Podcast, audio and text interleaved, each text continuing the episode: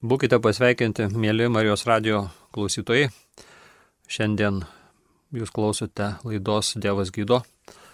Su jumis bendrauja ir jums katechezę pateikia Šakių parapijos kuningas Antanas Matusevičius. Tikiu, kad Dievo dvasia taip vedė paragino kalbėti šiandien apie kryžių. O tekstas švento rašto, kuris bus mums pagalba arba įkvėpėjas iš pirmo laiško korintiečiams, pirmo skyriaus nuo 17 iki 31 eilutės.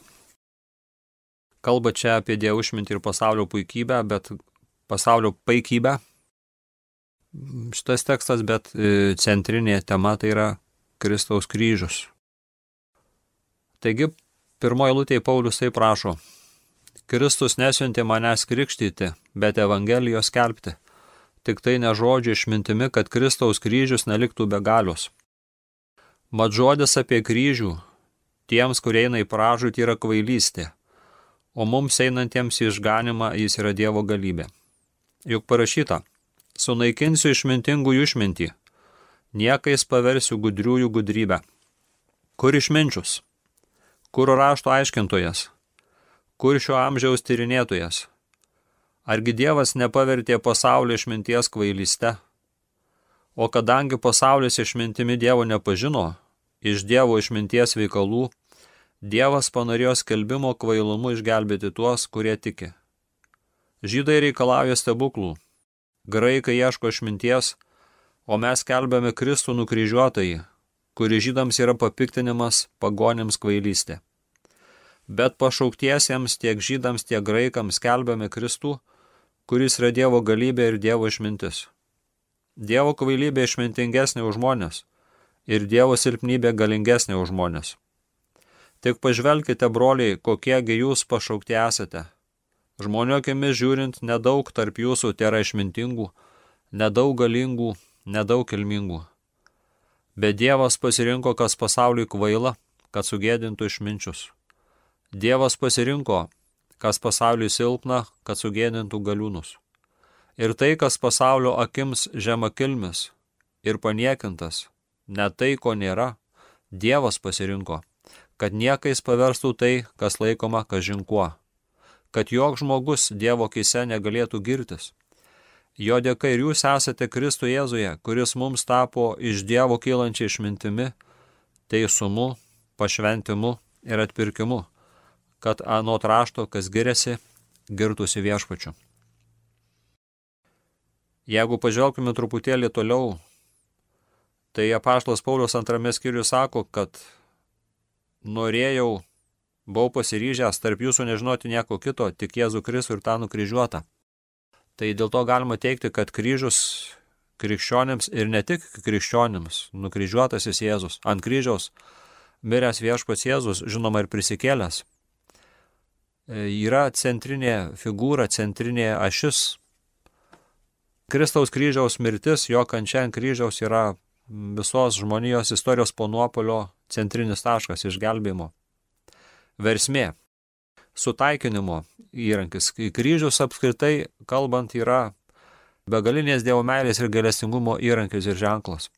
Kartai žmonės bijo kryžių dovanoti, netgi bažnytiniai žmonės kažkada prieš kokią dešimt ar daugiau metų norėjau vienam kunigui padovanoti kryžių vardinių progą, pasitariau su kitais, kurie turėjome sveikinti, tai vienas perkalbėjo, sako, ai, kryžių gal netinka dovanoti. Tai nežinau, neturėjau tokių jėgų argumentuoti, pritrūko drąsos ar jėgų, bet šią savaitę Marijampolėje eidamas į knyginėlį su kitu kunigui, ten buvo kunigų susirinkimas, sutikome ant laiptų vieną žmogų, kuris nešėsi kryžių, sako, nutariau padovanoti.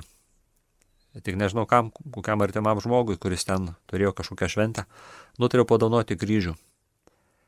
Manau, tikrai tai buvo labai tinkamas sprendimas, išmintingas, žmogiškas, krikščioniškas. Ir manau, kad tikrai geresnės dovanos negali būti. Nu, šventas raštas. Kryžius tai turbūt pačios geriausios dovanos, kurias mes galime e, tikėjimo broliams sesėms padovanoti.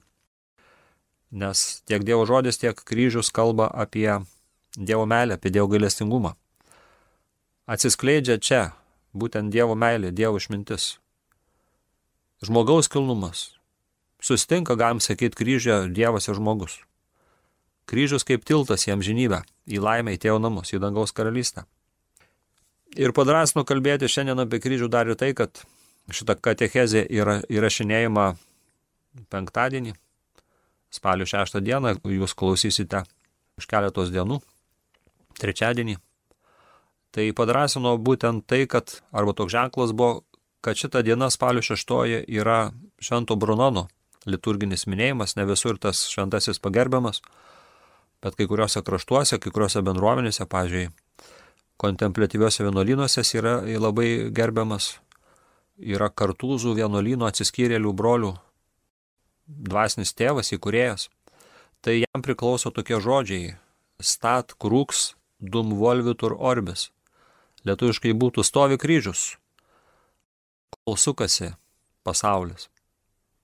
Pasaulis sukasi, pasaulis eina savo linkme, bet sekant šito šventų vyrų, dvasingų vyrų, kryžius stovi.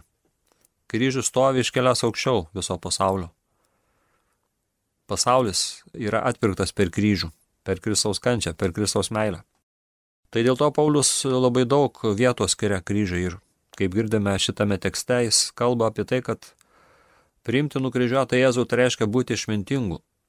Ir kalba apie tai jau pirmose eilutėse, kurias mes skaitėme, 17 eilutė sako, kad mane viešpats siuntė ne krikštyti, bet skelbti Evangelijos ir nepaprastais žmogiškos išminties žodžiais, kad Kristaus kryžius neliktų be galios. Taigi Paulius teigia, Paulius supranta ir teigia, tvirtina, pabrėžia, kad išganimas eina ne per žmogaus žodį, net ne per žmogaus kalbimą, bet per kryžių. Iš kryžiaus semėsi jėgos. Kaip ir visa bažnyčios išganomoji misija tarnystė, liturgija ir sakramentai iš Kristaus kryžiaus semėsi galybės. Taip ir visa misijinė evangelizacinė veikla taip pat šaltiniu turi Kristaus kryžių. Nukryžiuota Jėzų. Būtent Jėzus duoda kryžiui galybę, o net virkščiai. Tai todėl Paulius labai tvirtina, pabrėžia, kad žodis apie kryžių tiems, kurie eina į pražūtį, yra kvailystė, bet mums, kurie einame išganimais, yra Dievo galybė.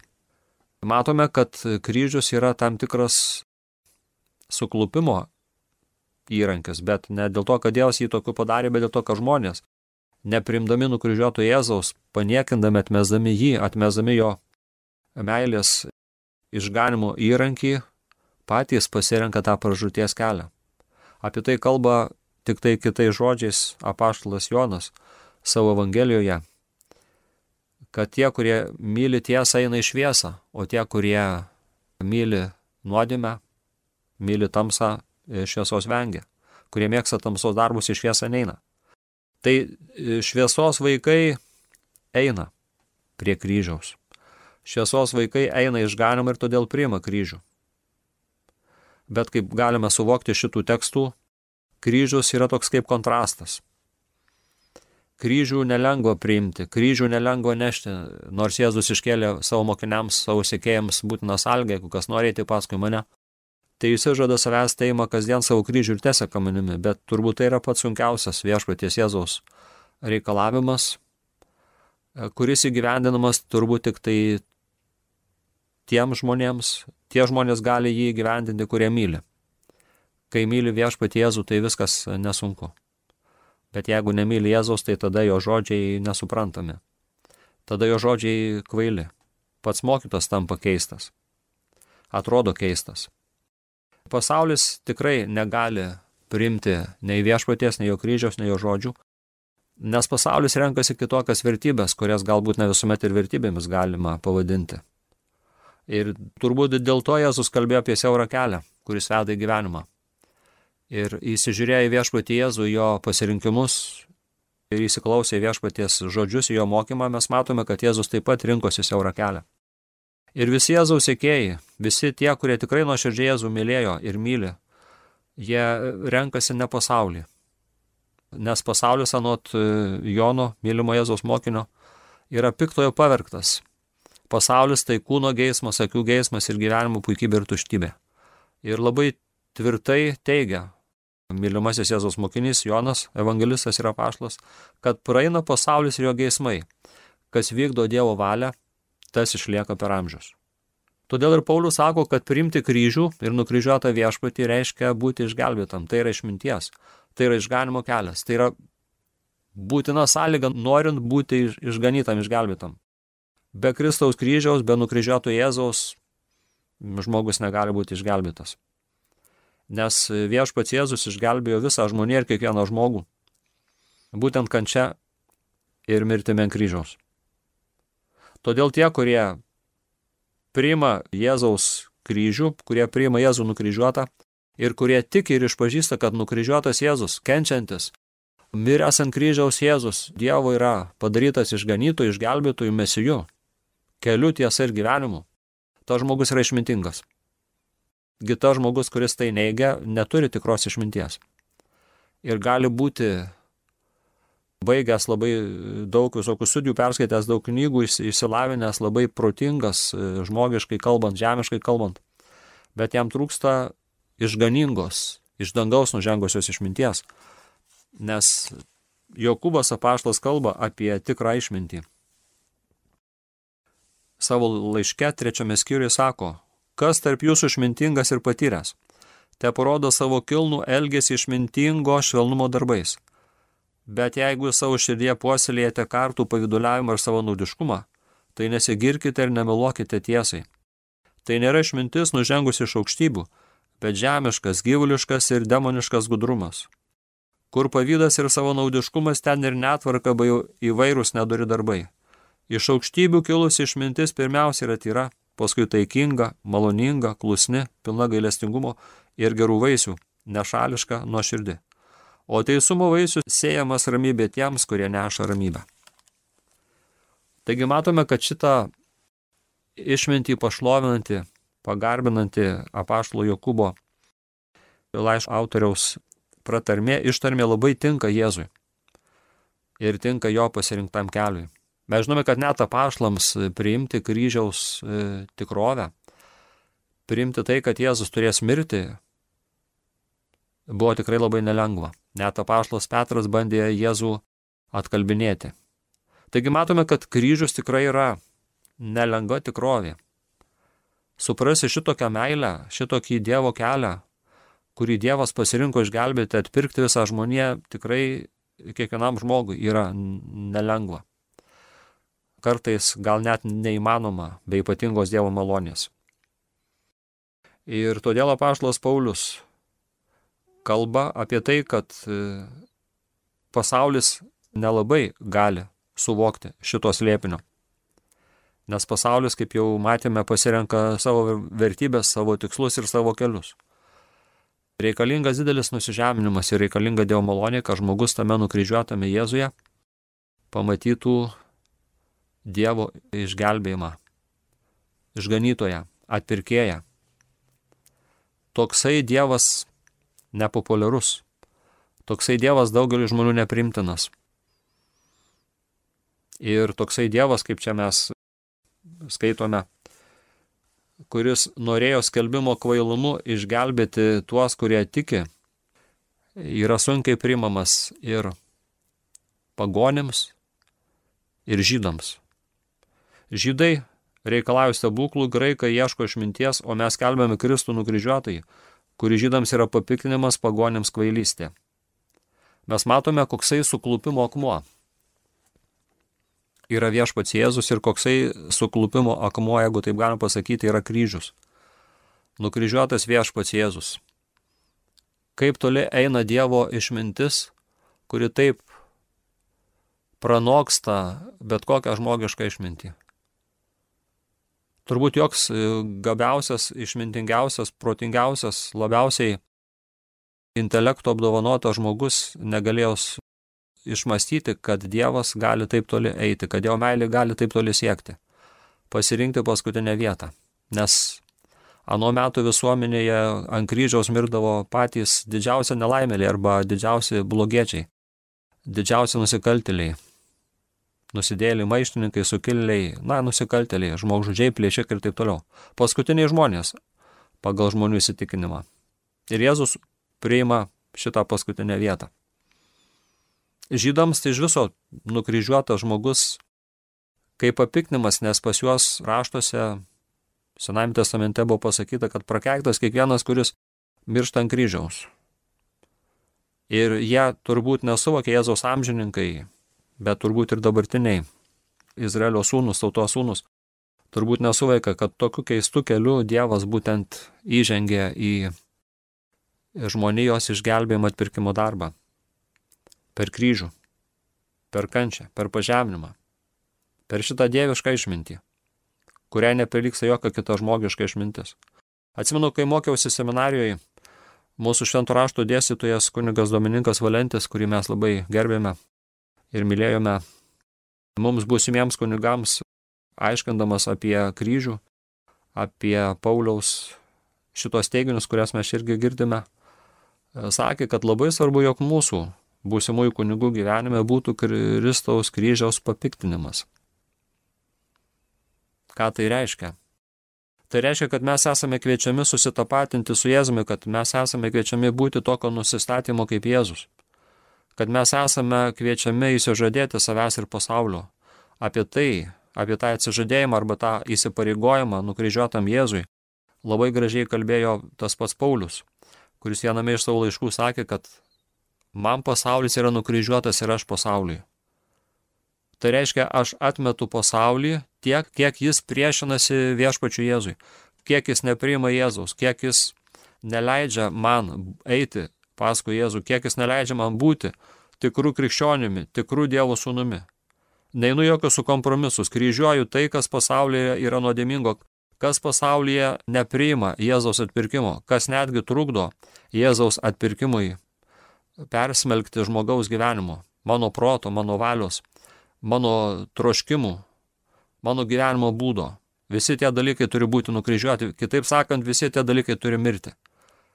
Ir įdomus dalykas, kad tai, kas atrodo pasauliui pralaimėjimas, tai, kas atrodo pasauliui nesąmonė ar net kvailystė, Dievo planuose, die, pagal Dievo mintį ir Jėzaus Kristaus asmenė Jėzaus Kristaus nukryžiavime yra tikroji išmintis, tikrasis gyvybės, gyvenimo, meilės, brolystės, žmogaus išgydymo, žmogaus sugražinimo pas Dievą įrankis.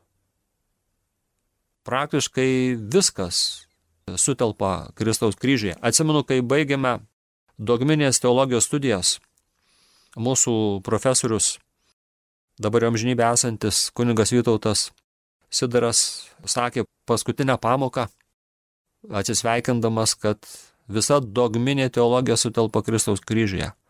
Ir vienas mūsų kursinis sako, kodėl anksčiau to nepasakėte. Bet netaip svarbu, ar tai pasakai anksčiau, ar tai pasakai vėliau, tikrai buvo nepavėluota. Ir labai prasmingi to profesoriaus žodžiai. Visa teologija, ne tik dogminė, bet ir visa kita teologija sutelpa Jėzus Kristaus kryžiuje. Nes tai yra, kaip matome, Dievo išmintis. Galėtume klausyti savęs, ar yra mano gyvenime kryžiaus papiktinimas. Ar tikrai aš esu nukryžiuotas, kaip Paulius sakė, dėl Jėzaus ir Jėzuje. Ar pasaulis man yra nukryžiuotas ir aš pasauliui. Nes, kaip sako Kristaus e, sėkimo autorius, tobulai suprasti Jėzaus žodžius gali tik tai tas, kuris jais gyvena, kuris juos priima, kuris ne tik teoretiškai priima, bet ir praktiškai. Jeigu nori tobulai suprasti Jėzaus žodžius, turi eiti taip, kaip Jėzus ėjo. Tai vad kryžių mes galime suprasti šitą slėpnį, šitą gelmę, išminties, meilės, malonės gelmę mes galime suprasti tik tai tokiu atveju, jeigu mes iš tikrųjų pažįstame viešpatį Jėzų, jeigu mes įsipareigojame jam, jeigu ateiname pas jį. Jeigu pasirenkame tai, ką Jėzus ragina mus pasirinkti, kitaip sakant, gyvename pagal Dievo žodį gyvename tikrai meilę, anot to paties šiandien jau girdėto Jokūbo gyvenam ne žodžiu ar liežuviu, bet darbu ir tiesa. Gyvename Dievo žodžiu, darome tą žodį, vykdome tą žodį. Tai tada iš tikrųjų mes galime sakyti, esame kryžiuojami. Pasaulis mums kryžiuojamas, nes čia vyksta nuolatinė kova. žmogus, kuris apsisprendžia gyventi tikrą Dievo sūnaus, Dievo dukters gyvenimą, jisai nuolatos yra pasirinkimuose. Nuolatos renkasi. Ir aišku, pasaulį turi atmesti. Nes, kaip jau sakiau, pasaulis tai kūno geismas, akių geismas ir gyvenimo tuštybė.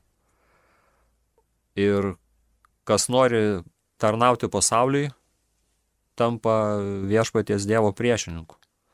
Pasaulio bičiulis negali būti Dievo draugas ir Dievo bičiulis negali būti pasaulio draugas. Tai yra nesuderinami dalykai. Todėl Paulius ir skelbė nukryžiuotą viešpatį, nesako 24 eilutėje, pašauktiesiems tiek žydams, tiek graikams skelbiame Kristų, kuris yra Dievo galybė ir Dievo išmintis. Dievo kvailybė išmintingesnė už žmonės ir Dievo silpnybė galingesnė už žmonės. Vėlgi šitą tiesą, šitą tikrovę, šitą Dievo žodį suprasti gali tik tas, kuris pažįsta viešpaties ir kuris myli. Nes Dievo žodį ir tai, ką padarė viešpats Jėzus dėl mūsų, gali suprasti tik tai mylinti širdis. Ir tai mylinčiai širdžiai nereikia kažkokių švedžiojimų, kažkokių paaiškinimų. Tiesiog kažkokiu slėpiningų būdu, veikiant šventai dvasiai, ateina nušvietimas, ateina prieškimas ir žmogus yra palenkiamas, nes Dievas gali tam žmogui duoti malonę, išmintį.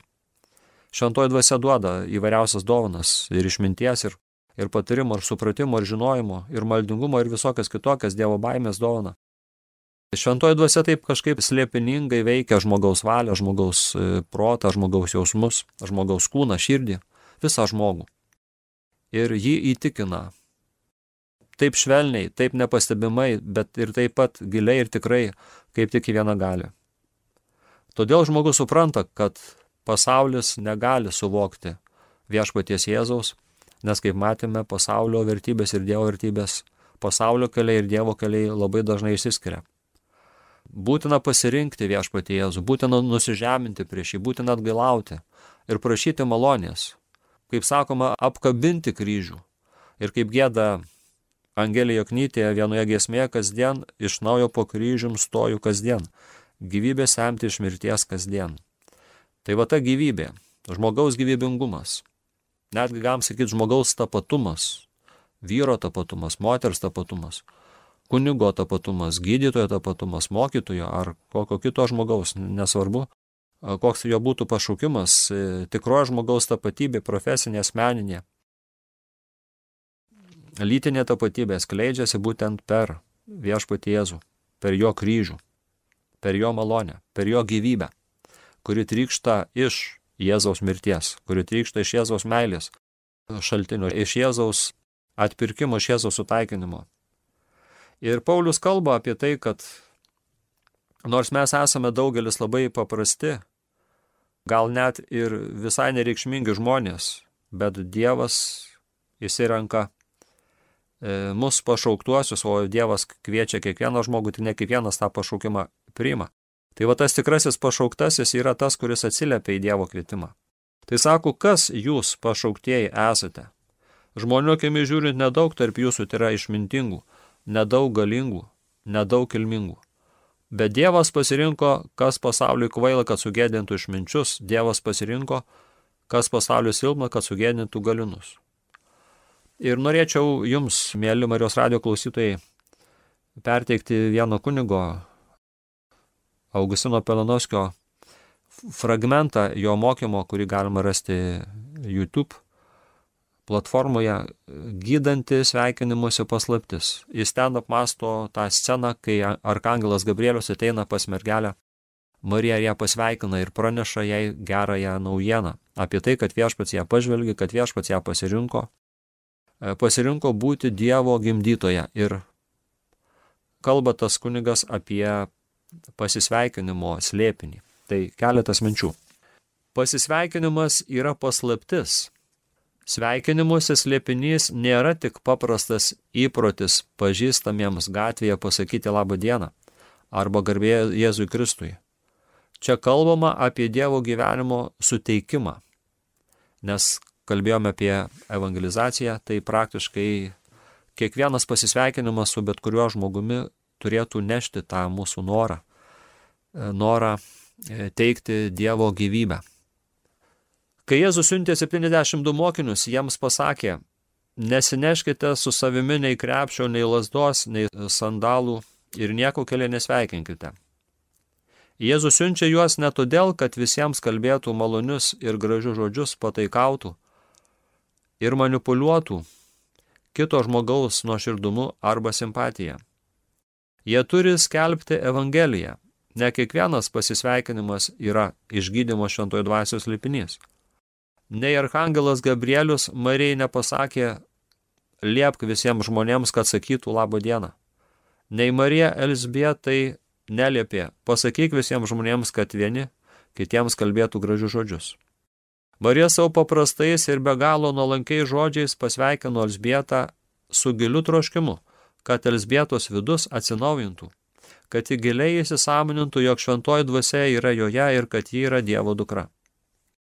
Pažvelkime dar į vieną rašto vietą. Kalba kuningas Augustinas Pelnovskis. Matas pasakoja, kaip Jėzus savo veiklos pabaigoje turėjo vis didesnių rūpešių. Kuo ilgiau gyveno, tuo buvo sunkiau. Matome tokią keistenybę. Jam nepavyko atversti Izraelio. Kildavo vis daugiau sunkumų ir konfliktų. Vieną dieną kalbėjo fariziems ir žmonėms.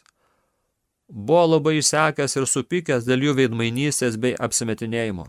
Jėzus kalbėjo. Į Mozės krasę atsisėdo rašto aiškinto ir fariziejai. Todėl darykite ir saugokite visą, ko jie moko, bet neselkite taip, kaip jie. Kalba, bet patys nedaro. Jie mėgsta garbingas vietas pokiliuose, pirmas vietas sinagogose, trokšta būti sveikinami aikštėse ir vadinami rabi. Tokios sveikinimo rūšies Jėzus visiškai nepageidauja. Jėzus nenori, kad sveikinimuose paslaptyje naudotumės galimybę daryti karjerą, kad mūsų simpatija kuriam nors asmeniui, meilė, nuoširdumas, šypsena, džiaugsmas būtų tik dirbtinė manipulacija kitų asmenių.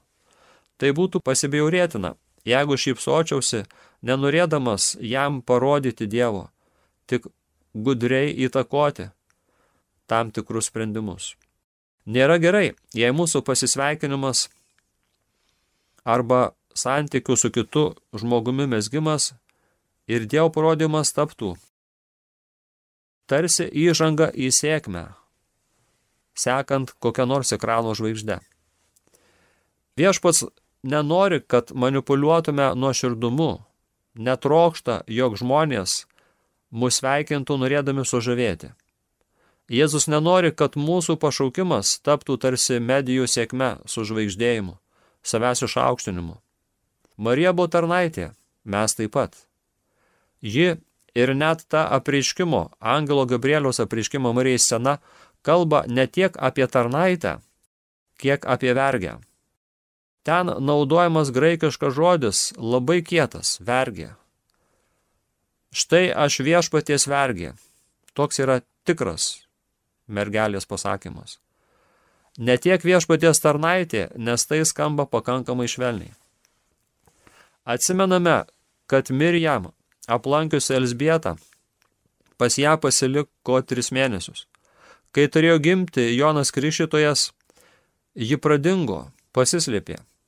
Marija grįžta į Nazaretą. Kodėl taip keistai elgėsi?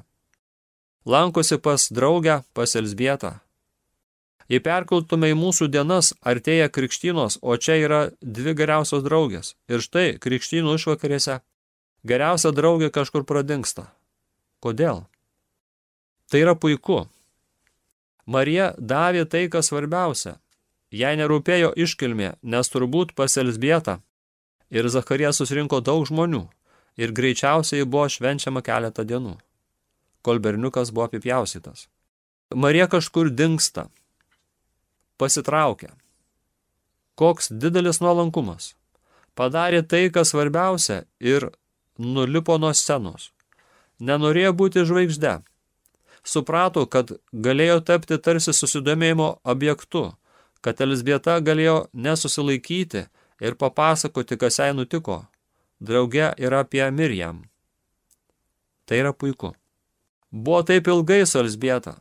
su ja buvo iki tol, kol buvo jai reikalinga sunkiais neštumo mėnesiais. Kada turėjo ateiti tai, ką būtų galim pavadinti sėkme arba Jono Krikščitojo gimimu, ji pasitraukė. Marijos nėra. Išsaugokime savo atmintyje šį labai kuklų Marijos meilės paveikslą. Gyventi pasveikinimu. Duoti kam nors viešpatį Dievą. Pagelbėti, bet vengti pagirimų, susižavėjimų, išaukštinimo. Dažnai darome ką nors gero dėl to, kad vėliau mums būtų padėkota, arba siekdami paslėpti savivertės menkumą. Tokiu atveju tai nėra tyra. Tai nešvari motivacija. Jei kam nors padedu tik todėl, kad vėliau pats geriau pasijuščiau, bet nesiekdamas iš tikro padėti. Taigi matome, kad mergelė Marija yra labai nuolanki.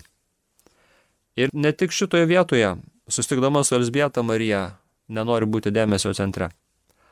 Mes žinome, kad Jonas evangelistas antrame skyriuje, kalbėdamas apie kanus vestuves, kuriuose Jėzus su mokiniais dalyvavo, parodo, kaip Marija pastebėjusi, jog šeimininkai, vestuvininkai pradeda stokoti vyno, eina pas Jėzų ir sako, jie nebeturi vyno. Tada nueina pas tarnus, nors atrodytų Jėzus neatsiliepė jos prašymą ir liepė jiems, darykite viską, ką tik jis jums sakys. Ir pasitraukė. Marija nenori stoti Jėzus. Marija nenori būti svarbesnė už Jėzų. Marija visiškai nesavanaudiška. Visiškai neieško savo garbės. Jis yra nuolanki, klusni tarnaitė. Taigi Dievas ją pasirinko. Čia labai geras pavyzdys. Kokiais esame kviečiami būti, kokiais turėtume būti kokiais turėtume norėti būti. Dievas pasirinko, kas pasauliui kvaila, kad sugėdintų išminčius. Ir Dievas pasirinko tai, kas pasaulio kim žema kilmis paniekintas, ne tai, ko nėra Dievas pasirinko, kad niekas paverstų tai, kas laikoma kažinkuo. Kad jog žmogus Dievo kisi negalėtų girtis. Tas pats jau minėtas šiandien cituotas kunigas Augustinas tam pačiam mokime kalba apie Paulių, kuris save vadino paskutiniu šapaštulu, mažiausiu. Ta liudija ir jo vardas, lotiniškas vardas. Paulius reiškia mažas. Tame pačiame laiške, tik pačioj pabaigoje, paskutinėse eilutėse jisai sveikina Korinto bendruomenę, atsisveikina. Visada taip darydavo. Galime tai patikrinti Biblijoje, tačiau šis pasveikinimas turi kitokią formuluotę. Paklausykime, kaip atsisveikina kokiu būdu pašlas atsisveikina. Ir kokia yra šio atsisveikinimo ypatybė. Neparašė ten garbėzui Kristui arba viso gero, arba likite sveiki. Parašė taip. Sveikinu jūs savo Pauliaus ranka. Jei kas nemyli viešpaties, tebu neprakeiktas. Maranatha. Viešpaties Jėzaus malonė tebūnė su jumis. Mano meilė jums visiems Kristuje Jėzuje. Tai bent atsisveikinimas galėtume sakyti. Jeigu kas nemyli viešpaties, tebu neprakeiktas. Nesinori, mėly Marijos radio klausytojai, pabaigti savo katechezis tokiu apašlo Paulius teksto citavimu. Man labiau norisi pacituoti kitą jo eilutę ir palinkėti būtent tuo pažadu, kuris yra pašlo Paulius laiške, nežinau, kuriam. Tikriausiai daugelis turi ten naują testamentą namuose, galite paieškoti. Ten tas pažadas skamba taip. Malonė visiems, kurie myli mūsų viešpatį Jėzų Kristų, negestančią meilę.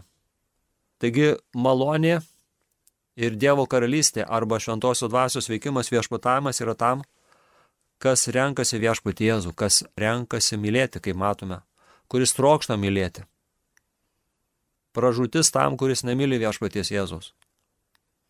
Ir meilė su visais pažadais ir jų įsipildymu tam, kas myli viešpatie Jėzų Kristų negesančią meilę.